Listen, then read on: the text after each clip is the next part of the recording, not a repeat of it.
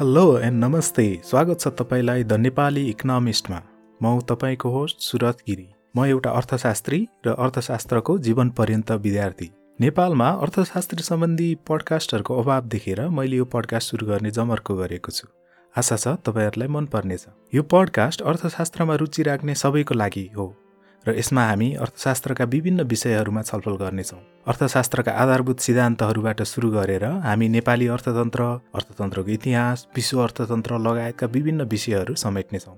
यस पडकास्टमा तपाईँले मुख्यत मेरो कुरा सुन्नुहुनेछ तर बेला मौकामा साइत जुरेको खण्डमा नेपालका तथा अन्तर्राष्ट्रिय अर्थशास्त्रीहरूसँगको अन्तर्वार्ता पनि सुन्न पाउनुहुनेछ। पडकास्ट मन पर्यो भने सब्सक्राइब गर्न नबिर्सिनुहोला। यो त भयो पडकास्टको परिचय। अब आजको भाग सुरु गरौँ है त। द नेपाली इकोनोमिस्टको पहिलो भागमा हामी एउटा यस्तो सिद्धान्तको बारेमा छलफल गर्न गइरहेका छौँ जुन सायद अर्थशास्त्रको सबैभन्दा महत्त्वपूर्ण सिद्धान्त होला। जाडोको दिनमा किन कम मात्र मानिसहरू घर बाहिर निस्किन्छन्? शैक्षिक सत्र सुरु हुँदा किन कम मात्र विद्यार्थीहरू कक्षामा उपस्थित हुन्छन्? केही समय अगाडि प्याजको मूल्य अचाकली बढेको थियो नि। त्यसबेला किन मानिसहरूले प्याज कम खान थाले? प्रेममा हुँदा एकअर्कालाई बिछट्टै माया गर्ने प्रेमी प्रेमिकाको मायामा विवाहपछि चाहिँ कमी आउँछ भन्छन् नि। किन होला? तपाईँ बाटोमा हिँड्दै हुनुहुन्छ। पाँच रुपियाँको नोट खसेको देख्नुभयो। टिप्नुहुन्छ कि हुँदैन? सायद टिप्नुहुन्छ होला। हजार रुपियाँको नोट देख्नुभयो। टिप्नुहुन्छ कि हुँदैन? अवश्य नै टिप्नुहुन्छ होला। किन? यी सबै प्रश्नहरूको उत्तर हो उत्प्रेरणा अर्थात् अङ्ग्रेजीमा भन्दा इन्सेन्टिभ। र अर्थशास्त्रको पहिलो सिद्धान्त हो उत्प्रेरणा महत्त्वपूर्ण हुन्छ। अर्थात् इन्सेन्टिभ्स म्याटर हेर्दा सरल लागे तापनि यो निकै महत्त्वपूर्ण कुरा हो। यो सायद अर्थशास्त्रको सबैभन्दा महत्त्वपूर्ण सिद्धान्त होला। एकजना अर्थशास्त्रीले त सम्पूर्ण अर्थशास्त्रको सारलाई एक वाक्यमा व्याख्या गर्नुहोस् त भन्दा उत्प्रेरणाको कुरा चिकेका थिए। उनले भनेका थिए चार शब्दमा अर्थशास्त्रको सारलाई व्याख्या गर्न सकिन्छ। त्यो हो पिपल रिस्पोन्ड टु इन्सेन्टिभ्स अर्थात् उत्प्रेरणाले मानिसको व्यवहारलाई निर्देशित गर्दछ। जुन कुरा गर्नको लागि उत्प्रेरणा छ मानिसले त्यो कुरा बढी गर्छ र जुन कुरा गर्नका लागि उत्प्रेरणा छैन मानिसले त्यो काम कम गर्दछ। मानिसको व्यवहारमा उत्प्रेरणाको भूमिका बुझ्नको लागि हामी एउटा कथा सुनौँ है त। यो कुरा अठारौँ शताब्दीको अन्त्यतिर बेलायतको हो। त्यस बेला बेलायतले जघन्य अपराधीहरूलाई एउटा निर्जन टापुमा अर्थात् हाम्रो आठौँ प्रदेशमा लगेर छोड्न थालेको थियो। अस्ट्रेलिया भन्न खोजेको। त्यो अपराधीहरूलाई अस्ट्रेलिया पुर्याउने जिम्मा चाहिँ सरकारले निजी पानी जहाजहरूलाई दिएको थियो र खर्च चाहिँ आफूले बेहोर्थ्यो। त्यसमा भयो के भने धेरैजसो अपराधीहरू अस्ट्रेलिया नपुग्दै बाटैमा मर्ने। विभिन्न रोगलेदेखि लिएर खान नपाउने उपचार नहुने लगायतका विभिन्न कारणले गर्दा उनीहरू मर्थे। सन् सत्र सय नब्बेदेखि सत्र सय बयानब्बेको अवधिमा औसतमा बाह्र प्रतिशत अपराधीहरूको मृत्यु भयो। एउटा जहाजमा त सैँतिस प्रतिशत यात्रुहरूको मृत्यु भयो।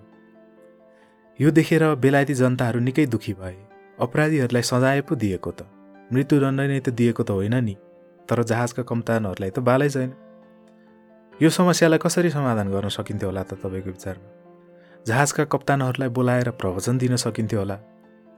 यात्रुहरूको राम्रोसँग ख्याल गर भनेर। अथवा उनीहरूले गर्दा मान्छे मरिरहेको हुनाले उनीहरूलाई पाप लाग्छ भनेर तर्साउन सकिन्थ्यो होला। अथवा राज्यले अझ थप पैसा दिएर सो रकम चाहिँ यात्रुहरूको सुविधा तथा स्याहार सुसारको लागि खर्च गर भन्न सकिन्थ्यो होला। अथवा उनीहरूको व्यवहारलाई लिएर उनीहरूलाई सार्वजनिक रूपमा लज्जित बनाउन सकिन्थ्यो होला। यी सबै कुराहरू गरिए पनि तर जहाजका कप्तानहरूमा खासै सुधार आएन। कैदीको मृत्युदर जस्ताको तस्तै। बढी आएको पैसाले किनेको खाद्यान्न त बरु कप्तानहरूले लुकाएर कैदीलाई नदिइकन बेच्न पो थाले। त्यसपछि आजित भएर बेलायत सरकारले एउटा नयाँ जुक्ति निकाल्यो।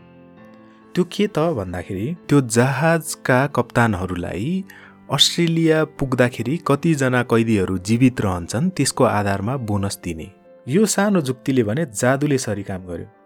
यो नयाँ नियम लागू भएपछि जहाजमा मृत्यु हुने कैदीको सङ्ख्या करिब करिब शून्यमा झऱ्यो। सन् सत्र सय त्रियानब्बेमा अस्ट्रेलियामा गएका सुरुका तिन जहाजमा त तिन सय बाइसजना कैदीमध्ये केवल एकजनाको मात्र मृत्यु भयो। के ती जहाजका कप्तानहरू यो वर्ष चाहिँ आएर अकस्मात दयालु मानवताले ओतप्रोत भए होलान् त? अह होइन। उनीहरू पहिले जति नै लोभी थिए होलान्। तर परिवर्तन भएको थियो त केवल उनीहरूको उत्प्रेरणामा। पहिले सकेसम्म धेरै कैदी लानुमा उनीहरूलाई फाइदा थियो। कैदी बाँचेर पुग्नु र मरेर पुग्नुमा कुनै सरोकार थिएन। तर नयाँ नियमसँगै कैदीहरूलाई जीवित पुर्याउनुमा उनीहरूलाई उत्प्रेरणा हुने भयो। अब त जहाजको कप्तानलाई कसरी कैदीलाई स्वस्थ राख्ने होला? कसरी तिनीहरूको हेरविचार गर्ने होला भन्ने पो चिन्ता हुन थाल्यो। हेर्नुहोस् त एउटा सानो परिवर्तनले कति धेरै मानिसको जीवन बचायो। उत्प्रेरणा त्यस कारण महत्त्वपूर्ण हुन्छ। कुनै काम गर्ने उत्प्रेरणा हुनसक्छ भने कुनै काम नगर्ने उत्प्रेरणा पनि हुनसक्छ तसर्थ उत्प्रेरणा दुवै थरीको हुन्छ। जाडोको दिन बाहिर ननिस्किने उत्प्रेरणा हुन्छ। पाँच रुपियाँभन्दा हजार रुपियाँ टिप्ने ठुलो उत्प्रेरणा हुन्छ। कक्षा भर्खर भर्खर सुरु हुँदा नगए पनि त्यति धेरै घाटा लाग्दैन। कहिलेकाहीँ गलत उत्प्रेरणा हुनाले त्यसले एकदम विकृत रूप लिनाले त्यसले एकदम नराम्रो नतिजा ल्याइरहेको हुन्छ। मानिसहरूको ज्यान पनि गइरहेको हुन्छ। यसको एउटा उदाहरण नेपालकै छ। जस्तै हामी सबैलाई थाहै छ केही समय अगाडिसम्म कुनै गाडीले बाइकलाई वा पैदल यात्रीलाई हान्यो भने र उक्त व्यक्ति घाइते मात्र भएको छ भने के गर्थ्यो त? ब्याक गरेर किचेर मारिदिन्थ्यो। किन? किनभने कानुनले नै मान्छे मारेमा अठार हजार तिरेर मुक्ति पाउने तर घाइते भएमा चाहिँ सम्पूर्ण उपचार खर्च बेहोर्नु पर्ने भनेको थियो। त्यो गाडी चालकलाई घाइतेलाई बचाउनुभन्दा मार्नुमा पो फाइदा हुने भयो। कस्तो पाशविक कुरा होइन त? हाल आएर भने तेस्रो पक्षको बिमाको प्रावधानले गर्दा यो समस्या केही हदसम्म समाधान भएको छ। यस्ता घटनाहरू केही हदसम्म कम भएका छन्। अब बजारमा चाहिँ उत्प्रेरणाले कस्तो भूमिका खेल्छ हेरौँ है त। यो कथा चाहिँ हो चिली भन्ने देशको। चिलीमा एक समयमा अति मूल्य वृद्धि भइरहेको थियो।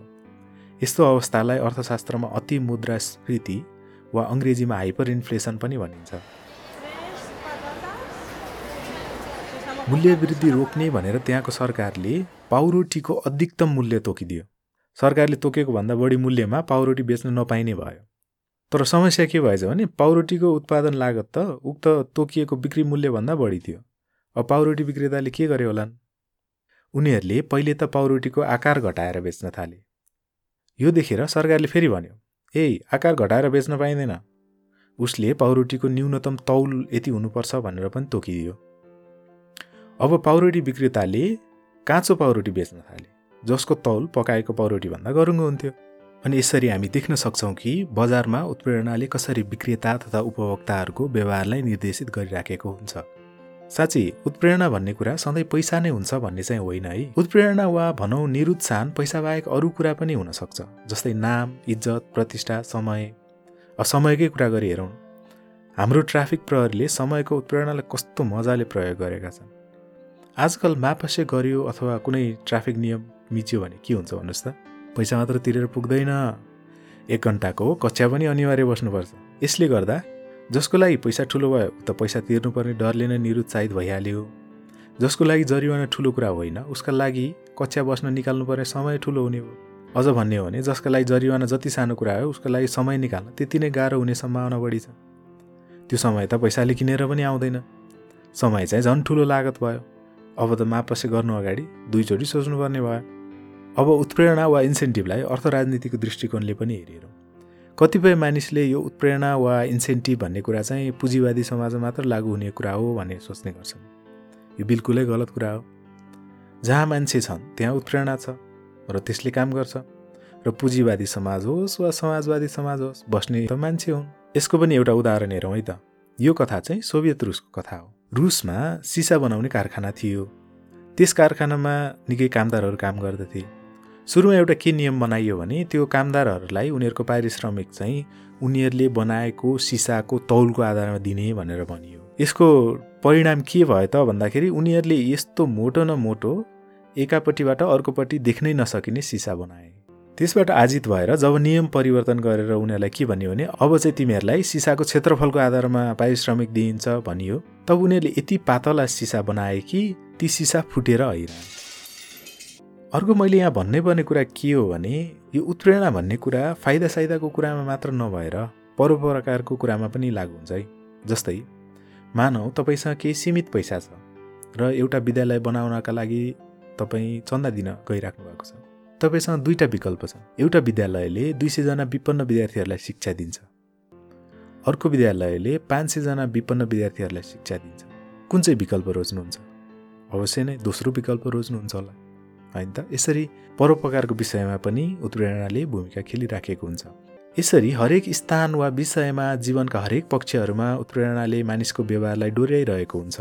उत्प्रेरणालाई यत्रो महत्त्व दिएर किन छलफल गरेको होला भन्ने तपाईँलाई जिज्ञासा त लागिराखेको होला। यो किन हो भने यो अर्थशास्त्रीय सोचको मेरुदण्ड नै हो र यसले समाज तथा देशकै अवस्था पनि निर्देशित गरिराखेको हुन्छ जस्तै नेपालकै उदाहरण हेरौँ न। जति फट्याइ गरे पनि हामी जहिले पनि तिनै नेतालाई जिताएर पठाउँछौँ अनि राम्रो काम गरेनन् भनेर दिक्क मान्छौँ। उनीहरूलाई सुध्रिने उत्प्रेरणा नै छैन किनभने आखिर तपाईँले फेरि भोट हालेर पठाउने त उनीहरूलाई नै हो। सरकारी कर्मचारी वा सरकारी शिक्षकहरूलाई एकचोटि जागिर खाएपछि निकाल्नै नमिल्ने कानुन बनाउँछौँ अनि किन उनीहरूले जनताको सेवा गरेनन् भनेर अचम्म मान्छौँ? त्यसै गरी निजी क्षेत्रमा हेरौँ। एउटै व्यापारी वा व्यापारिक घरानालाई बजारमा एकाधिकार दिन्छौँ। सिन्डिकेट हुने कार्टेल हुने अवस्था बनाइदिन्छौँ। अनि त्यसले ठग्यो जनतालाई लुट्यो भनेर गुनासो गर्छौँ। उनीहरूले बजारमा प्रतिस्पर्धा नै सामना गर्नु पर्दैन। उनीहरूको विकल्प नै छैन भने उनीहरूले किन उपभोक्ताको कुरा सुन्छन् र यसरी हामीले देख्यौँ कि उत्प्रेरणाका विभिन्न पाटाहरू छन् विभिन्न आयामहरू छन् र यसले मानिसको व्यवहारलाई तथा समाजको व्यवहारलाई कसरी असर पारिराखेको हुन्छ भनेर अब यति भन्दै आजको लागि बिट मार्नेतर्फ लागौँ है त। आशा छ तपाईँलाई आजको भाग मन पर्यो होला। त्योभन्दा पनि बढी अबदेखि तपाईँले कुनै व्यक्ति वा संस्थाको व्यवहारलाई हेर्दा उत्प्रेरणाको कोणले पनि विश्लेषण गर्न थाल्नुहुनेछ भन्ने चाहिँ मैले ठुलो आशा लिएको छु। तपाईँलाई आज यस पडकास्टमा प्रस्तुत गरेका जस्तै कुनै उदाहरणहरू थाहा छन् भने मलाई लेखी पठाउनु होला है। मलाई प्रतिक्रिया वा सन्देश पठाउनका लागि तपाईँले मलाई Nepali economist at Gmail dot कममा इमेल गर्न सक्नुहुन्छ। इमेल ठेगानामा द छैन है याद गर्नुहोला। Nepali economist at Gmail dot com मात्र हो। आज छलफल गरेको विषयको बारेमा तपाईँलाई थप जान्न मन छ भने मैले प्रयोग गरेका यी सन्दर्भ सामग्रीहरू तपाईँले उपयोग गर्न सक्नुहुन्छ।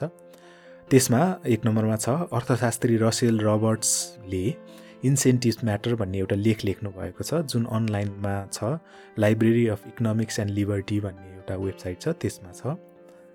त्यसै गरी दोस्रोमा छ असल अर्थशास्त्र भन्ने किताब जुन कमन सेन्स इकोनोमिक्सको नेपाली अनुवाद हो जुन अनुवाद मैले गरेको हुँ र हाल बजारमा उपलब्ध छ। त्यसै गरी अर्को फ्रिकोनोमिक्स भन्ने एउटा चर्चित पुस्तक छ जुन तपाईँले सुन्नुभएकै छ होला। त्यसको अध्याय एक पनि हेर्न सक्नुहुन्छ। त्यो पनि इन्सेन्टिभ्सकै बारेमा छ। यी सन्दर्भ सामग्रीहरूको लिङ्क मैले मेरो पडकास्टको विवरणमा डिस्क्रिप्सनमा पनि राखेको हुनेछु। तपाईँले त्यहाँ पनि हेर्न सक्नुहुनेछ। ल त आजलाई यति नै। अर्को भागमा पनि म यस्तै अर्को रोचक सिद्धान्तको बारेमा छलफल गर्नेछु। संसारमा सित्तैमा केही पनि आउँदैन भन्ने सिद्धान्तको बारेमा म अर्को हप्ता छलफल गर्न गइरहेको छु। द नेपाली इकोनोमिस्ट सब्सक्राइब गर्न नभुल्नुहोला। र जाँदा जाँदै अर्थशास्त्री मुरे रथवाडको अर्थशास्त्र सम्बन्धी यो भनाइ राख्दै म बिदा हुन्छु है त। अर्थशास्त्रको बारेमा अनभिज्ञ हुनु कुनै अपराध होइन। आखिरमा यो एउटा विशिष्टीकृत विधान पर्यो र धेरैले यसलाई निराशाजनक विज्ञान पनि भन्ने गर्दछ। तर अज्ञानी रहँदै आर्थिक विषयहरूमा ठुलो स्वरमा आफ्नो अभिमत दिनु चाहिँ गैर जिम्मेवारीपूर्ण काम हो।